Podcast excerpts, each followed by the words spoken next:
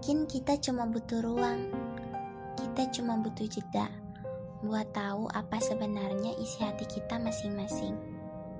Kita cuma butuh waktu sampai akhirnya kita tahu nggak ada perasaan apa-apa di antara kita.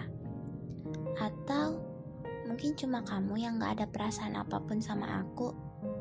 Sekali lagi, kita cuma butuh waktu untuk bisa menyadari bagaimana perasaan yang sesungguhnya.